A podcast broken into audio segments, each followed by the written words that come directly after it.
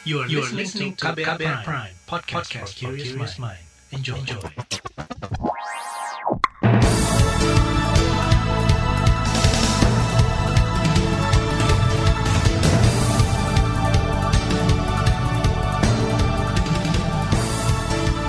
Selamat pagi saudara, senang sekali kami bisa menjumpai Anda kembali melalui program Buletin Pagi edisi Kamis 20 Mei 2021 bersama saya Naomi Liandra. Sejumlah informasi pilihan telah kami siapkan di antaranya pemerintah tak punya target selesaikan konflik di Papua. Jokowi minta kepala daerah segera turunkan kasus COVID-19. Gubernur DKI sebut ratusan pemudik yang kembali ke Jakarta positif COVID-19. Terbaru di Buletin Pagi. Pemerintah menyatakan tidak memiliki target atau tenggang waktu dalam menyelesaikan konflik di Papua. Hal ini disampaikan Menteri Koordinator Bidang Politik Hukum dan Keamanan Menko Polhukam Mahfud MD. Ia mengatakan konflik di Papua sudah terjadi puluhan tahun dan belum diketahui kapan akan berakhir. Nah, jadi saya kira itu saja jawaban umumnya. Memang sudah puluhan tahun kita menangani ini nggak selesai-selesai. Ya karena itu pendekatannya memang kita mau pendekatan dialog dulu, dialog, dialog, dialog. Kita tidak punya target. Pokoknya selama itu masih ada, aparat keamanan penegak hukum akan terus bekerja. Itu aja. Menteri Koordinator Bidang Politik Hukum dan Keamanan Mahfud MD mengatakan, sampai saat ini aparat keamanan masih berupaya melakukan pengejaran terhadap kelompok bersenjata di Papua. Pemerintah menyebut kelompok yang ingin merdeka itu sebagai kelompok teroris. Mahfud mengatakan aparat tengah mengantongi nama-nama dari anggota kelompok itu untuk ditangkap aparat juga telah mengidentifikasi lima lokasi yang diduga sebagai sarang mereka. Komisi Nasional Hak Asasi Manusia Komnas HAM meminta pemerintah tetap mengupayakan penyelesaian konflik semaksimal mungkin. Wakil Ketua Eksternal Komisi Nasional untuk Hak Asasi Manusia, Amiruddin Al-Rahab mengatakan cukup paham bahwa situasi konflik selalu tanpa kepastian upaya-upaya untuk mengakhiri situasi konfliktual menjadi penting supaya ada kepastian. Nah, tadi saya katakan Pak Menko Polhukam dengan segala hormat, mestinya Pak Menko hari ini sampai ke beberapa hari saat ke depan mengupayakan langkah-langkah yang mungkin bisa ditempuh untuk menghentikan situasi konfliktual itu. Nah kalau Pak Menko nggak punya langkah-langkah ya kita mau tanya siapa lagi ya kan? Wakil Ketua Eksternal Komnas HAM Amiruddin Al-Rahab mengingatkan langkah-langkah yang diambil harus transparan dan adil serta bisa dinilai oleh publik. Selama ini penegakan hukum di Papua masih terkesan tertutup sehingga menimbulkan banyak spekulasi. Selain itu, ia juga meminta aparat gabungan mengedepankan komunikasi yang intens dengan masyarakat. Sementara itu, peneliti Amnesty International Indonesia, Ari Pramuditya menilai pernyataan Menko Polhukam Mahfud MD sebagai sebuah pembiaran atas konflik yang terus terjadi di Papua. Ari menyebut pemerintah belum bisa mencarikan solusi penyelesaian yang konkret dan terus membiarkan operasi militer berlangsung. Jadi selama ini yang kita lihat kan memang masih yang dikedepankan itu pendekatan keamanan gitu ya mas ya, operasi militer. Bahkan justru sekarang itu akan melabeli dengan teroris. Nah ini tentunya akan semakin menimbulkan banyak korban berjatuhan dari masyarakat sipil. Dan memang kita lihat sudah banyak korban berjatuhan. Jadi dengan pernyataan seperti itu kita melihat memang jelas yang masih dikedepankan dari pemerintah itu adalah uh, operasi militer dan memang belum ada kemauan gitu ya mungkin kita bisa bilang untuk mencari solusi yang lebih lebih humanis, lebih mengedepankan uh, kemanusiaan untuk menghentikan siklus kekerasan yang terjadi di Papua. Menurut peneliti Amnesty International Indonesia Ari Pramuditya, operasi militer di Papua saat ini statusnya tidak jelas. Kata dia seharusnya pemerintah terus mengupayakan dialog dan menghentikan pendekatan militeristik karena berpotensi jatuhnya korban warga sipil. Namun pemerintah menampik anggapan menggunakan pendekatan militeristik. Wakil Presiden Maruf Amin mengatakan saat ini pemerintah tengah mengedepankan pendekatan kesejahteraan dengan mengutamakan pembangunan. Seakan-akan penanganan Papua itu lebih pendekatan keamanan. Justru kita ingin pendekatannya adalah pendekatan kesejahteraan. Keamanan itu adalah untuk melindungi masyarakat dan juga jalannya pembangunan dari gangguan-gangguan atau gerakan separatis yang sekarang sudah dicap sebagai gerakan terorisme. Ini penting untuk supaya tidak terjadi salah persepsi bahwa seakan-akan sudah berubah pendekatan. Itu tadi Wakil Presiden Maruf Amin. Menanggapi hal itu, Ketua Dewan Adat Papua Dominikus Sorabut mengatakan upaya yang dilakukan oleh pemerintah selama ini jauh dari pendekatan damai dan terkesan ambigu. Padahal menurutnya jika dibuatkan dialog, maka warga Papua akan sangat terbuka kan mau kan harus pendekatan ini kan pendekatan damai. Damai, dialogis, yang konferensi. Itu kan maunya rakyat Papua seperti itu. Dan itu sudah digarap sejak 2000, tahun 2000 sampai hari ini kan orang Papua selalu mengkampanyekan tentang harus penyelesaian persoalan Papua. Itu kan secara damai. Tapi Jakarta kan tidak mau. Selalu melalui temanya pembangunan, tapi dalam implementasinya kan dengan pendekatan kekerasan, pendekatan militer. Ketua Dewan Adat Papua Dominikus Sorabut mengaku telah mengusulkan upaya dialog namun pemerintah dinilai selalu berkelit. Padahal kata dia, pemerintah sudah berpengalaman dalam mekanisme menyelesaikan konflik seperti di Aceh. Informasi corona akan hadir usai jeda, tetaplah di Buletin Pagi KBR. You're listening to KBR Pride, podcast for curious mind. Enjoy!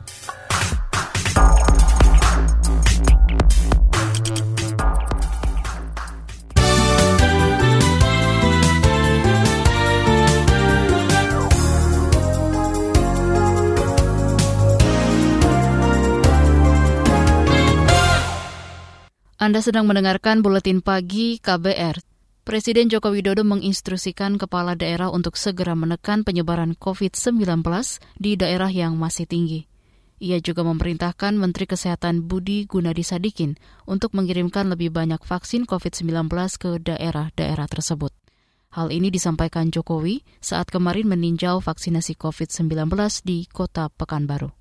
Saya menyampaikan tadi bahwa kota dan kabupaten yang memiliki tingkat penyebaran kasus positif yang tinggi harus segera menekan agar kasus-kasus yang ada menjadi lebih sedikit. Kemudian yang kedua juga yang berkaitan dengan vaksinasi, saya juga sudah memerintahkan kepada Menteri Kesehatan untuk mengirimkan vaksin yang lebih banyak ke Provinsi Riau.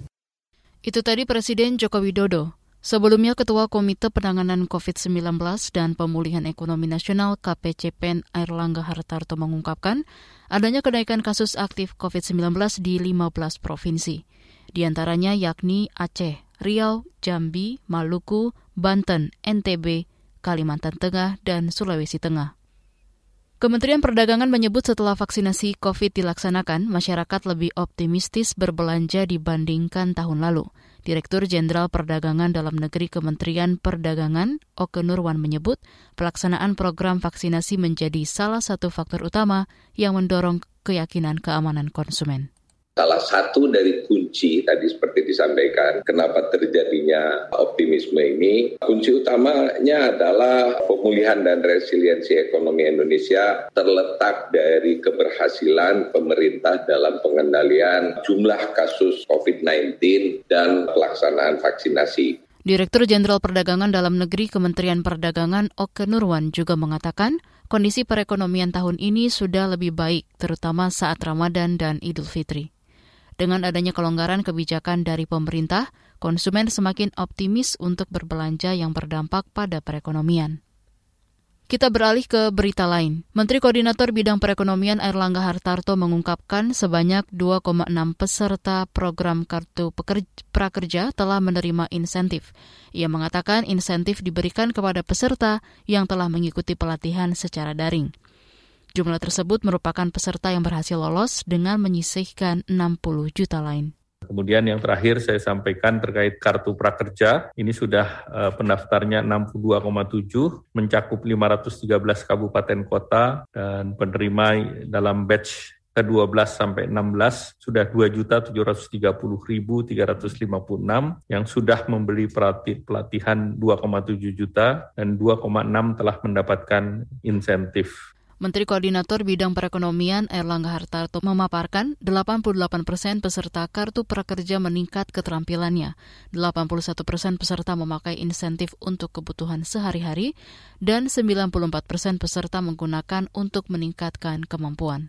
Selain itu, sebanyak 35 persen peserta nasibnya berubah, sebanyak 18 persen telah bekerja kembali. Kepolisian menyebut masyarakat yang mudik pada lebaran kali ini lebih banyak dibanding tahun lalu. Juru bicara Mabes Polri Ahmad Ramdan mengatakan, masyarakat tetap nekat pulang kampung meski pemerintah telah melarangnya. Menurutnya, mayoritas pergerakan kendaraan terjadi sebelum masa larangan mudik, yakni sebelum tanggal 6 Mei 2021.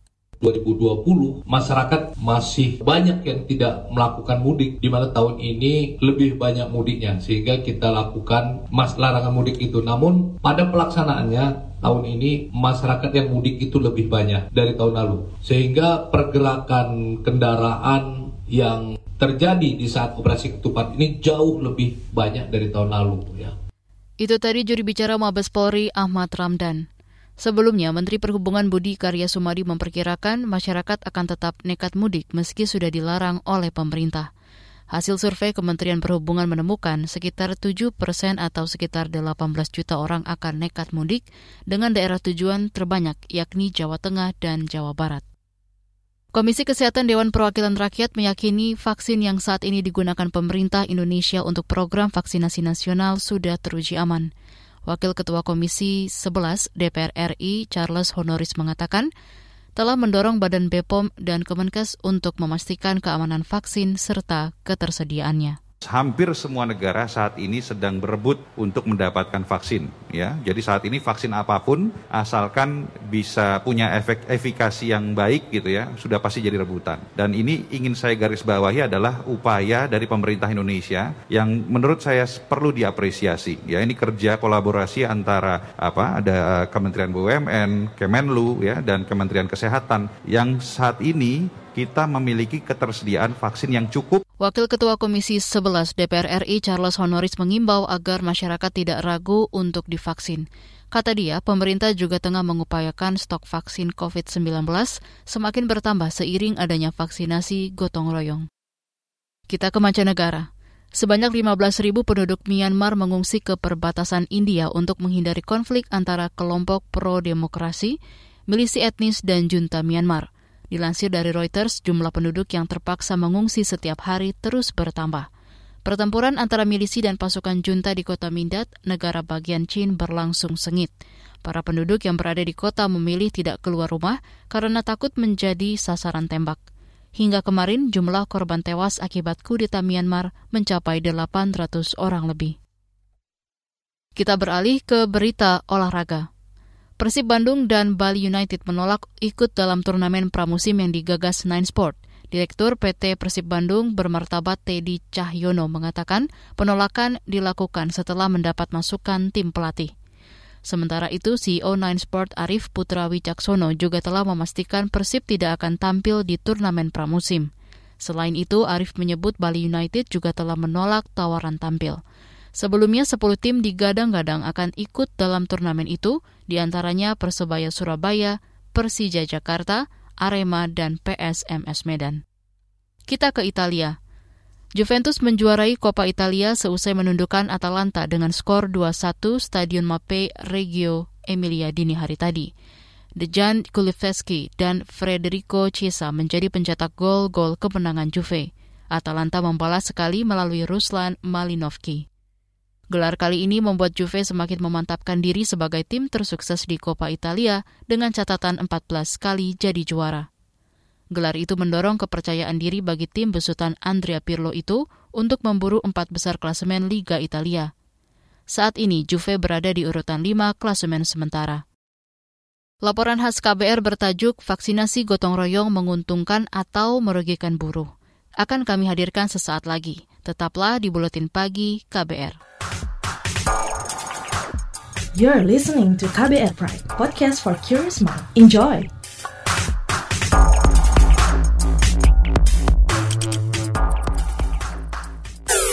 Commercial break. Hmm, saya heran kenapa dagangan Bulastri selalu laris manis ya? Jangan-jangan dia pakai penglaris nih. Ah, masa iya sih? Ah, saya samperin aja kali ya.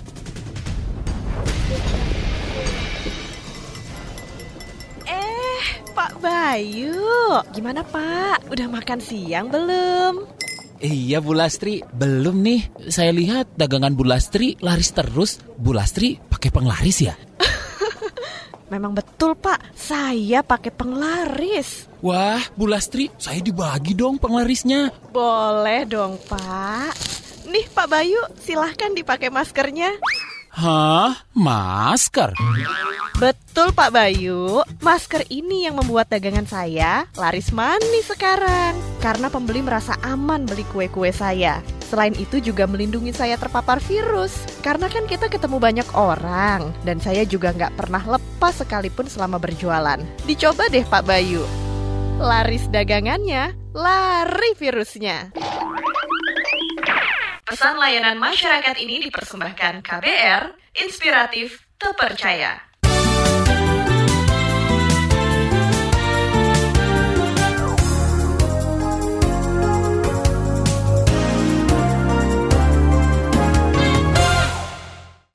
Pemerintah terus menggencarkan vaksinasi gotong royong untuk para pekerja.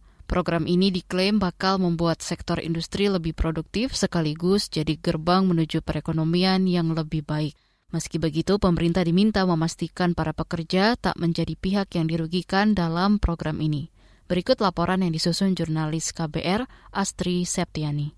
Saudara, pemerintah menggantungkan banyak harapan pada vaksinasi mandiri atau vaksinasi gotong royong untuk para pekerja. Menteri Investasi sekaligus Kepala Badan Koordinasi Penanaman Modal atau BKPM Bahlil Lahadalia optimis program ini bisa mendongkrak pertumbuhan ekonomi Indonesia. Pertumbuhan ekonomi kita itu 57 persen sampai 60 persen itu konsumsi dan investasi itu 30 sampai 33 persen.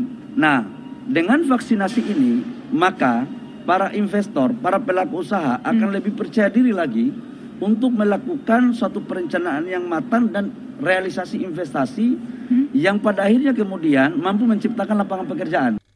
Sebelumnya, Kamar Dagang dan Industri atau Kadin sebagai inisiator vaksin gotong royong menargetkan sedikitnya 10 juta pekerja bisa mendapatkan suntikan vaksin COVID-19 melalui program itu. Biaya vaksinasi yang diperkirakan sekitar 1 juta rupiah untuk dua kali suntikan diklaim ditanggung perusahaan. Meski begitu, program ini tetap menimbulkan kekhawatiran, terutama di kalangan pekerja. Mereka khawatir para buruh tetap dibebani biaya vaksinasi baik langsung atau tidak langsung. Presiden Federasi Serikat Pekerja Metal Indonesia atau FSPMI Riden Hatam Aziz meminta pemerintah mengawasi perusahaan yang menyanggupi vaksin gotong royong agar memenuhi kewajiban sesuai aturan yang ditentukan. Karena yang dalam teori ekonomi, Mbak, tetap walaupun itu bahasanya dibayar oleh perusahaan, tetap saja itu masuk ke kos. Nah, ketika kos itu bertambah, ya saya yakin nanti justru teman-teman pekerja ini akan di, apa ya istilahnya lemah, di, diambil lagi kosnya. Soal THR aja kemarin kita masih ada beberapa yang belum selesai.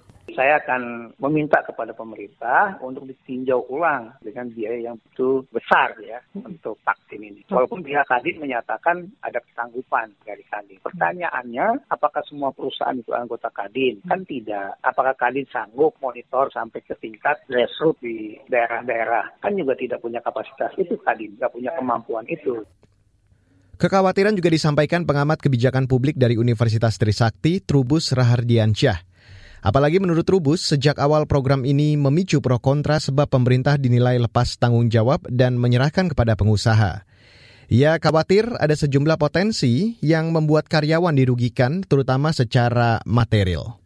Uh, tetapi setelah harga yang ditetapkan oleh pemerintah cuma segitu dan tidak membawa keuntungan yang yang besar, maka banyak perusahaan sekarang sudah mulai mulai ini ketar ketir mulai setengah hati, mulai ogah-ogahan gitu dan kelihatan sekali juga sudah ini. Saya khawatir itu kemudian nanti dia larinya apa mengeksploitasi karyawannya dan keluarganya yaitu gratis tapi kemudian pada ujungnya juga berbayar artinya entah itu dipotong gaji ataupun apa. Lah ini saya khawatirnya ke sana karena gimana pun juga pelaku usaha nanti dalihnya karena kondisi covid kondisi pandemi ya terdampak covid maka kami harus melakukan itu. Jadi nanti pegawainya dieksploitasi ya kan disuruh bayar.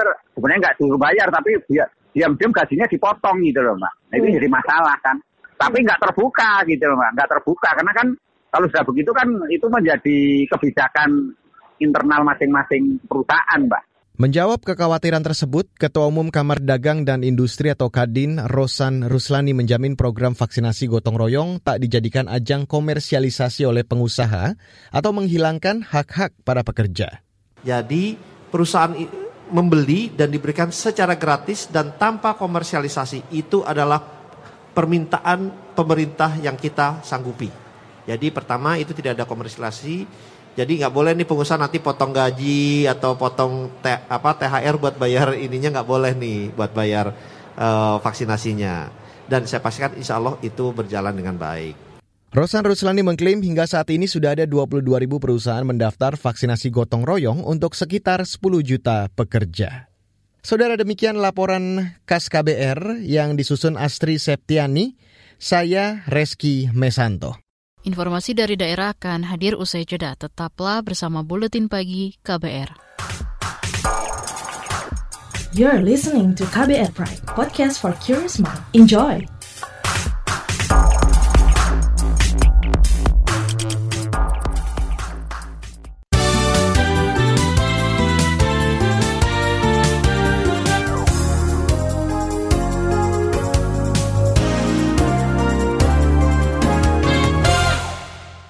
Inilah bagian akhir buletin pagi KBR.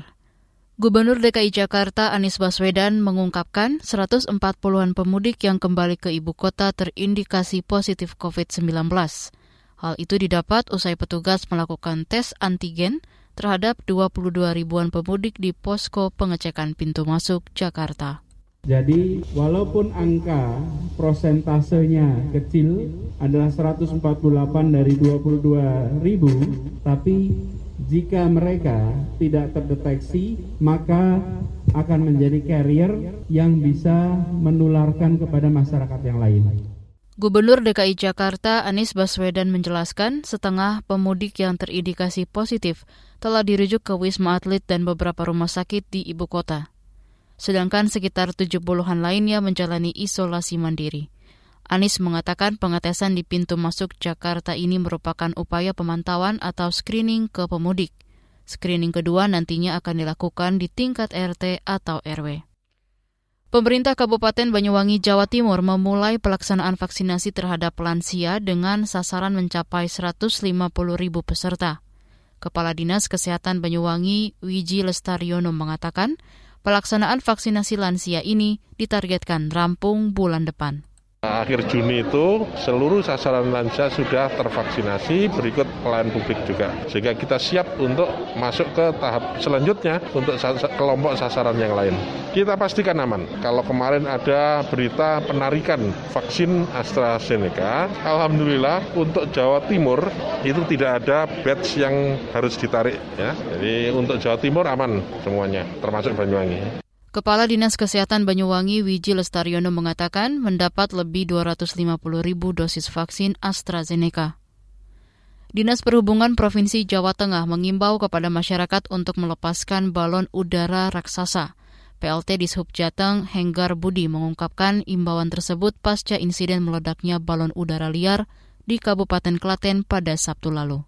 Anggaran udara secara bebas ini yang dilarang. Jadi itu kita bareng dengan otoritas bandara melakukan sosialisasi beberapa kabupaten kota yang berpotensi masyarakatnya sering menerbangkan balon udara sudah kita undang bersama. Kita rapat sosialisasi bersama. Mohon teman-teman di kabupaten diatur. Waktu dia penerbangannya juga tidak berada di dalam kawasan keselamatan operasional bandara. PLT di Subjateng Henggar Budi menjelaskan penerbangan balon udara raksasa diizinkan jika ditampatkan. Hal tersebut diatur dalam Peraturan Menteri Perhubungan tentang penggunaan balon udara pada kegiatan budaya masyarakat. Informasi tadi menutup jumpa kita di Buletin Pagi hari ini. Pantau juga informasi terbaru melalui kabar baru, situs kbr.id, Twitter kami di akun @beritaKBR, serta podcast di alamat kbrprime.id. Akhirnya saya Naomi bersama tim yang bertugas undur diri. Salam.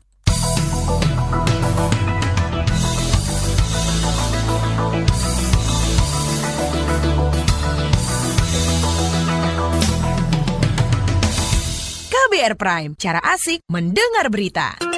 KBR Prime, podcast for curious mind.